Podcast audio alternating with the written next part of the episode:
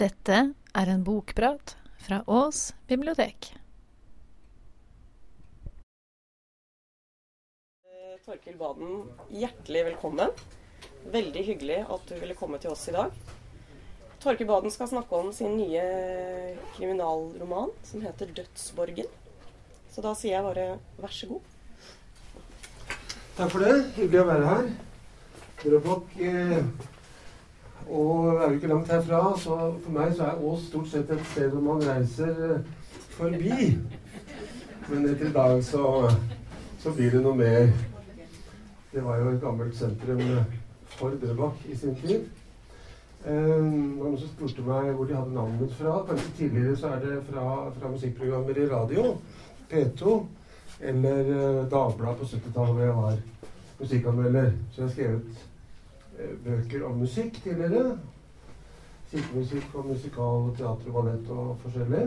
Kirkemusikk. Men, eh, men nå har jeg altså skrevet denne boken som begynner slik.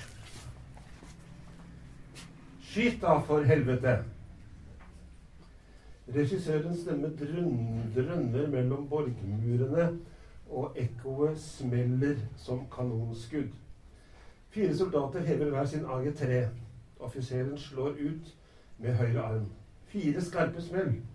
Den dødsdømte fangen faller mot gulvet i dødscellen. Blodspruten står ut av brystkassen som en fontene mot den mursteinsrøde festningsveggen. De hvitmalte vindusprossene tegner et kors over liket. Flott! roper Bjørn Lynge. De stålgrå øynene skinner av opphisselse, og energien flommer som lava ut av den røslige, skjeggete skikkelsen. Det er altså operaen Tosca som prøves på Oscarsborg i august. Og eh, en viss operaregissør, bosatt på Nesodden, heter Bjørn Lynge, prikk, prikk, prikk, eh, er da aktiv og eh, instruerer. Så hovedhandlingen i denne boken er at eh, det skjer noe dramatisk i løpet av denne forestillingen, og teater blir plutselig alvor. Eh, så er det flere bihandlinger. Vi har en journalist, og han holder til på Ås. I en avis som heter eh, Follobladet. Og eh, der ser det slik ut. I avishuset på Ås, et stykke bortenfor universitetet, var også redaktøren på plass. Her kunne det bli ekstra reportasjeutgifter som måtte kontrolleres. Redaktør Jonassen var midt i 60-årene og syntes at han hadde gjort sin verneplikt når det gjaldt forsidene. Han hadde begynt i avisen som sommervikar mens han gikk på videregående og hadde avansert så langt det var mulig. Nå var han mer opptatt av pengesaker enn pangsaker, og oppdaget at annonsene ga ham for tiden grunn til å være fornøyd. Han skjønte ikke at dette skyldes journalister som ikke sparte seg for å lage et produkt folk ville ha. Abonnenttallet var stabilt, og de hadde ennå ikke opplevd leseflukten fra papir til PC, som riksavisene strevde med. Foldebladet på papir hørte med til morgenkaffen ved Oslofjorden. Så skal vi tilbake til det som da er den første hovedhandlingen.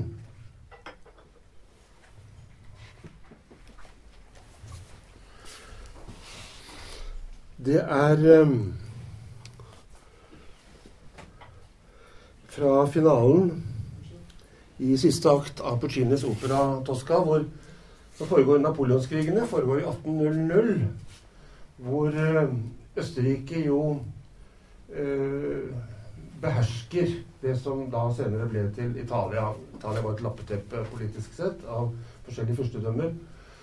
Og um, en ung uh, kunstmaler, Mario Cavaradossi, han tilhører de som da er i opposisjon mot eh, østerrikerne. Og eh, han kommer i fengsel for å ha hjulpet en eh, flyktning. Så hvis dere kjenner Tosca, så er jo det en fantastisk opera med foregår i, på helt konkrete steder i, i Roma.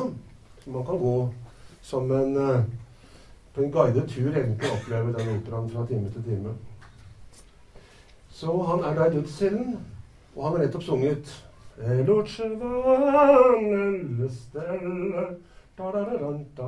og så videre. Besunget sin elskede inn i døden.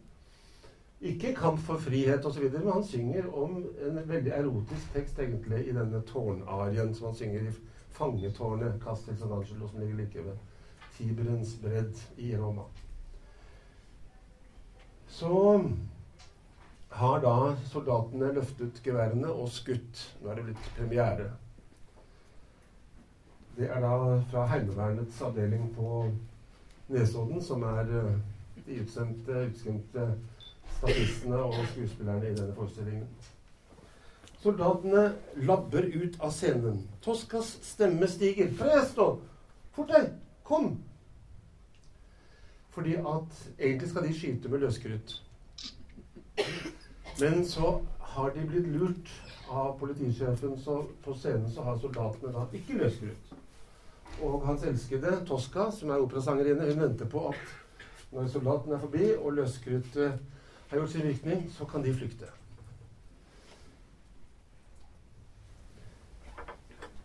Men så forstår altså Tosca etter hvert at han, han, han reiser seg ikke, for han, han, er blitt lurt. Så han ligger der. Og hun synger at uh, og, og, Tosca skjønner at han er død. Morto. Morto, morto! Død! Mario! Skal det slutte slik? Så blir det dødsstille. Sekundene tikker. Dirigenten står med hevet taktstokk og venter på Toskas skrik. For hun skal skrike at hun skjønner at hun er blitt lurt, og at han er død. Det eneste skriket som høres, er fra en måke som sirkler høyt over borggården. Måkeskriket flerrer stillheten som en skarp kniv. Men fra scenen og orkesteret kommer ikke en lyd. Tosca står urørlig og ser på Marios kropp. og blodet som fortsetter å pumpe lenge etter at blodposen er tom. Det renner friskt blod fra brystet, rett under hjertet. Øynene er åpne. Jeg blir helt rørt, jeg. Jeg skjønner Jeg ble ganske rørt av det. Det syns jeg mest. Eh, det renner friskt blod fra brystet, rett under hjertet. Øynene er åpne, men stirrer livløse mot de stjernene Mario nettopp sang om. Så faller Ingveig Nyborg livløs ned over liket av sin elskede. Vindusbrossene lyser korsets tegn. Så de er eh, ikke bare blitt lurt som på scenen, men her er det noen andre, helt andre, som har skutt. Og boken handler da om hvordan jakten på de som har skutt skarpt, eh, hvordan den foregår. Og det er da journalisten fra Ås, Henrik Solberg, bosatt i Drøbak, som, eh, som er hovedpersonen der. Så er det bihandlinger eh, i miljøet rundt som jeg må si gjør denne boken litt spesiell aktuell etter det som da har skjedd i januar og februar eh, i Paris og i København. Fordi at eh, det foregår en del da i Avistegnerhuset i Drøbak. Og eh, det som har skjedd med angrep på ytringsfrihetens uh, utøvere der i januar og februar i år, det har veldig sammenheng med ting som på en måte er profetert i boken. Dessverre. Vi skal komme tilbake til det. Først skal vi til Oscarsborg. fordi det er jo i år 9. april 2015 så er det 75 år siden verdenskrigen brøt ut. Og dette kaster jo da en, en skygge over den kulturen og operaforestillingen som, som foregår på, på Skarsborg hvert år.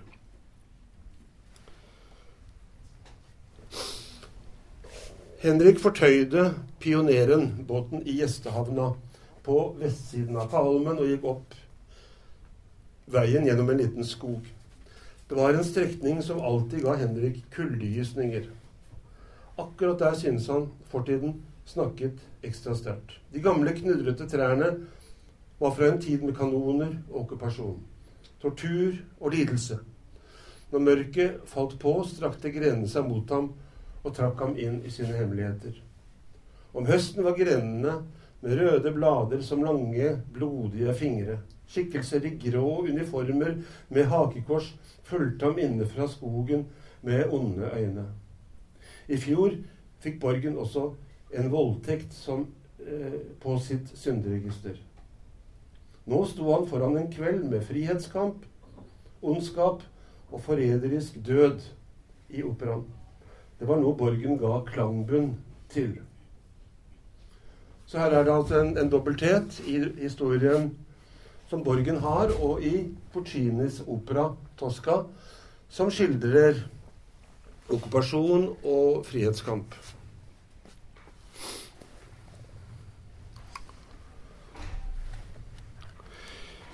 Så er det spor som fører tilbake til Ås, til universitetet i Ås. Og eh, i en eh, studentbolig her et par hundre meter herfra, så eh, utenfor så dukker det plutselig opp en politibil. Klokken kvart på syv parkerte en grå folkevogn noen hundre meter fra Kaiaveien 15 på Ås. De fem Er det noen som har vært der? Jeg har aldri vært der. Ja. Det er noen som heter er det ikke Kaiaveien? Ja. Ok, jeg tror jeg fant det i telefonkatalogen. Der var det åtte studenthybler, og Amin bodde i andre etasje. Huset lå rett ved bussholdeplass, og fem på syv stoppet en buss fra Drøbak med to fargete gutter som gikk mot Det røde huset. De to går på Frogn videregående skole, sa Khalid, en politimann, i folkevognen til Aslaug, som er politietterforsker på, på Sky. Som nettopp var den som tok også lommemannen i sin tid. Han kjente også igjen to andre gutter som kom syklende fra motsatt kant fra Ås sentrum. Etter fem minutter gikk Khalid stille inn i huset med de fire andre på slep. Alle hadde skuddsikre vester og pistoler. Den nye tjenestepistolen Hekler NK. De løsnet sikringen og gikk forsiktig opp trappen. Khalid banket på døren og ropte 'Det er Khalid'. For han hadde allerede infiltrert denne studentgjengen, så han skulle på dette møtet bak døren. Døren ble åpnet. Khaled sparket den helt inn, og alle stormet inn mens Åslaug ropte 'Politi! Legg dere ned på gulvet!' De ble møtt av fem forfjamsede gutter og noen reagensrør på bordet. Åslaug kjente igjen ingrediensene. Det var noen flasker med neglelakkfjerner og noen flasker med H2O2 hydrogenperoksid. Hun kikket rundt i den lille hybelen, og i en hylle fant, han, fant hun det siste hun lette etter, en flaske saltsyre. Guttene begynte å komme seg i overraskelsen, men håndjern og kraftige politiarmer holdt dem i ro. Han som hadde åpnet døren, Amin, hveste, måtte Allah forbanne dere!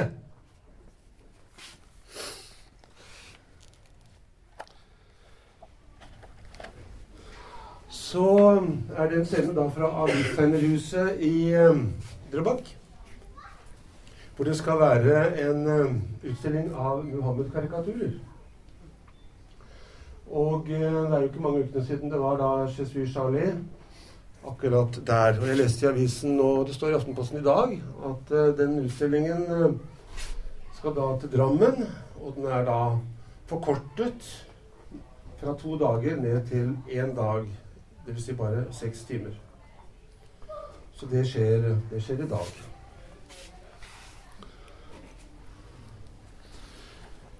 Det skal være Det er lørdag i Drøbak. Køen strakte seg langt nedover mot torget. Debatten om Muhammed-tegningene blusset opp med jevne mellomrom rundt i verden, siden islamistene stadig fant på nye ting å ergre seg over. Nå var det kommet en fleipefilm om profeten laget av en ondskapsfull amerikaner. Og den utløste protester mot Vesten i land etter land. Region og ytringsfrihet sto på dagsorden også i Drøbak, og interessen var stor. I et gatekryss midt i byen lå et skjevt, rødmalt trehus. Der hadde den uforlignelige Fredrik Stabels illustrasjoner til Dusteforbundet i Dagbladet fått hedersplass. Man ble møtt med Man kan si hva man vil om Napoleon, men bake kaker, det kunne han. Og andre godbiter langs vegger i to etasjer. Men for noen år siden rykket dagens avistegnere inn med nye produkter.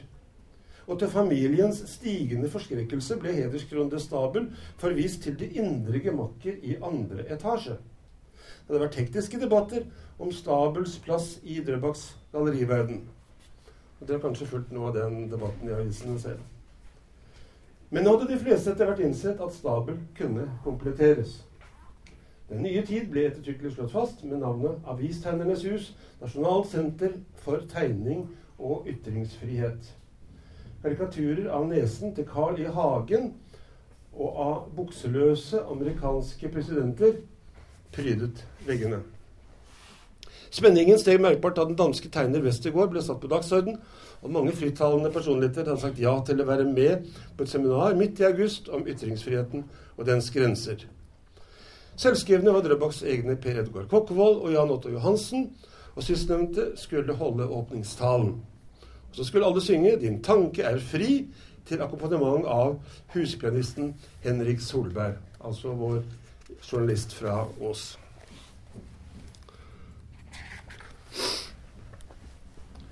Signalet kom til at Henrik skulle sette i gang, og teksten 'Din tanke er fri' var hengt opp på en stor plakat på veggen.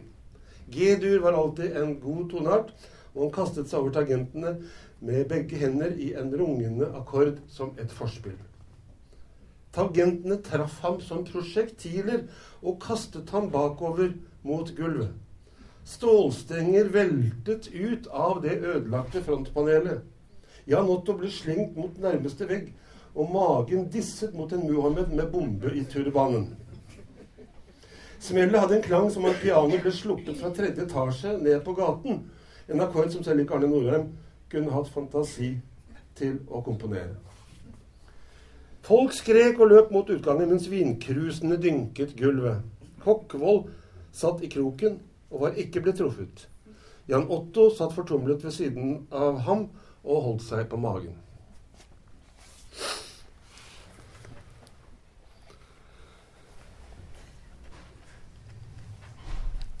Hvis det er noe dere lurer på underveis, så er det bare hyggelig at dere,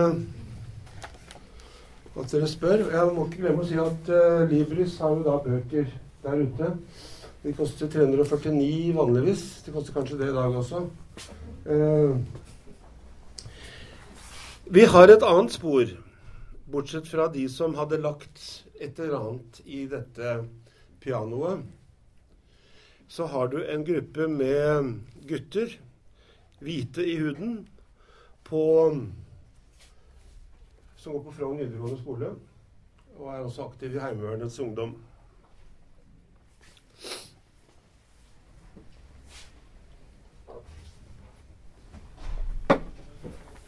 Holder på en halvtimes tid, det er det som er vanlig.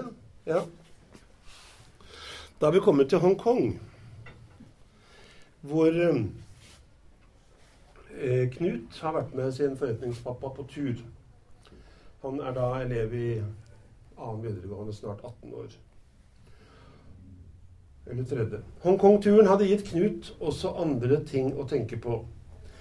De hadde hatt et par dagers stopp i Mumbai, og gutten hadde med store øyne og økende vemmelse opplevd tiggerne og fattigdommen. Gutter på hans egen alder sov på gaten. Krøplinger humpet av gårde på ett ben, mens en sammensurret beinstump slang i den dirrende heten. En elev med sølevann var de fattiges beste rekreasjon. Det var bedre i Hongkong, men hvorfor skulle så mange mennesker bo så tett? En maurtue virket bedre organisert enn dette kaoset av skjevøyde mennesker. Nå invaderte disse folkene hans eget land. Kineserne kom som turister, og det var greit når de betalte for seg og dro igjen.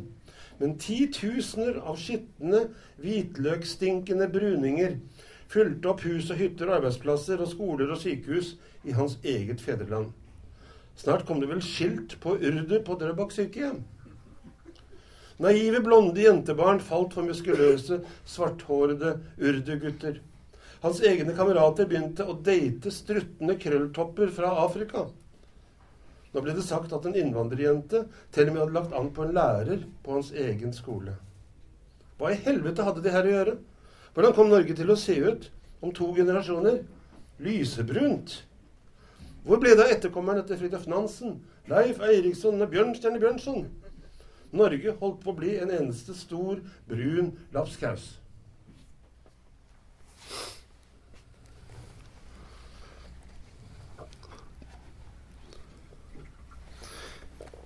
Jeg har um, også en skildring av um, der hvor da Henrik bor. Um, I et uh, lite uh, hus ved fjorden, ikke langt Ikke så veldig annerledes fra sånn som jeg selv bor, nede i vannkanten. Um, på de hvitmalte treveggene var det plass til de nødvendigste familiefotoene og til fire bilder av lokale kunstnere. Mest stolt var han av et portrett laget av Drøbaks egen Jan Kåre Øyen, utført da han fylte 30. Dette er altså journalisten Henrik Solbergs hjem. De lyse krøllene og de rødmøste kinnene var nok litt overdrevne, men om man skulle si det selv, var det et fordømt sjarmerende smil i det bildet. Mot vestveggen sto stuens stolthet, en hvit skimmel. Der kunne han sitte og spille mens han så utover sjøen. Han jobbet stadig med å spille mest mulig uten noter, slik at blikket samtidig kunne ta inn bølger og båter, fugler og sol. Akkurat nå var det sommernatt ved fjorden. Kjetil Bjørnstads hyllest til bohemene i strandkanten. Jeger ror, og Oda sitter foran i en pram. Han hadde den snart inne nå. En lavere utgave i G-dur, så ikke stemmen sprakk på høydetonene. Var det en sang som passet akkurat her, og til hans egne ferder på sjøen, så var det den. Drøbak var full av odaer. Men det var også noe truende over denne sangen. En advarsel. Han elsker alt det hun er, men han skjønner at han er for nær. Bjørnstad lar Bukken Lasson synge om sin storesøster, nyskilt fra sin første mann, på vei til alteret med Christian Krogh, som hun allerede har et, fått en datter med. Og denne sommeren 1888 tilbedt, tilbedt av en dødelig forelsket Hans Jæger. Og brokker av den sangen, 'Sommernatt til fjorden', går gjennom hele boken eh, og gir nye momenter inn og dobbelttydninger rundt. Så det er en slags rød tråd, som også da er eh, aller først som et slags motto på side 1, hvor jeg har to, to motor. Han elsker alt det hun er, men han skjønner at han er for nær. Og så har jeg Toskas bønn. Jeg levde for kunsten, jeg levde for kjærligheten. Toskas bønn av Puccini.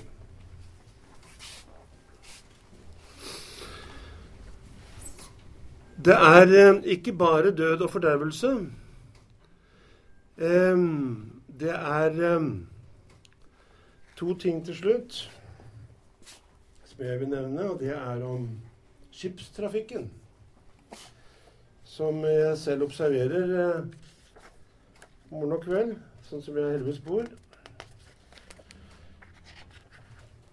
Skipstrafikken utenfor vinduene ga en dagsrytme med en duft av evighet. Hver dag var et rituale, et skjelett for tilværelsen. Ferjebroen til og fra København, Fredrikshavn og Kiel. Seks båter hver dag, dag etter dag, innrammet livet og fortalte at verden var på rett kjøl. Og eh, til slutt eh,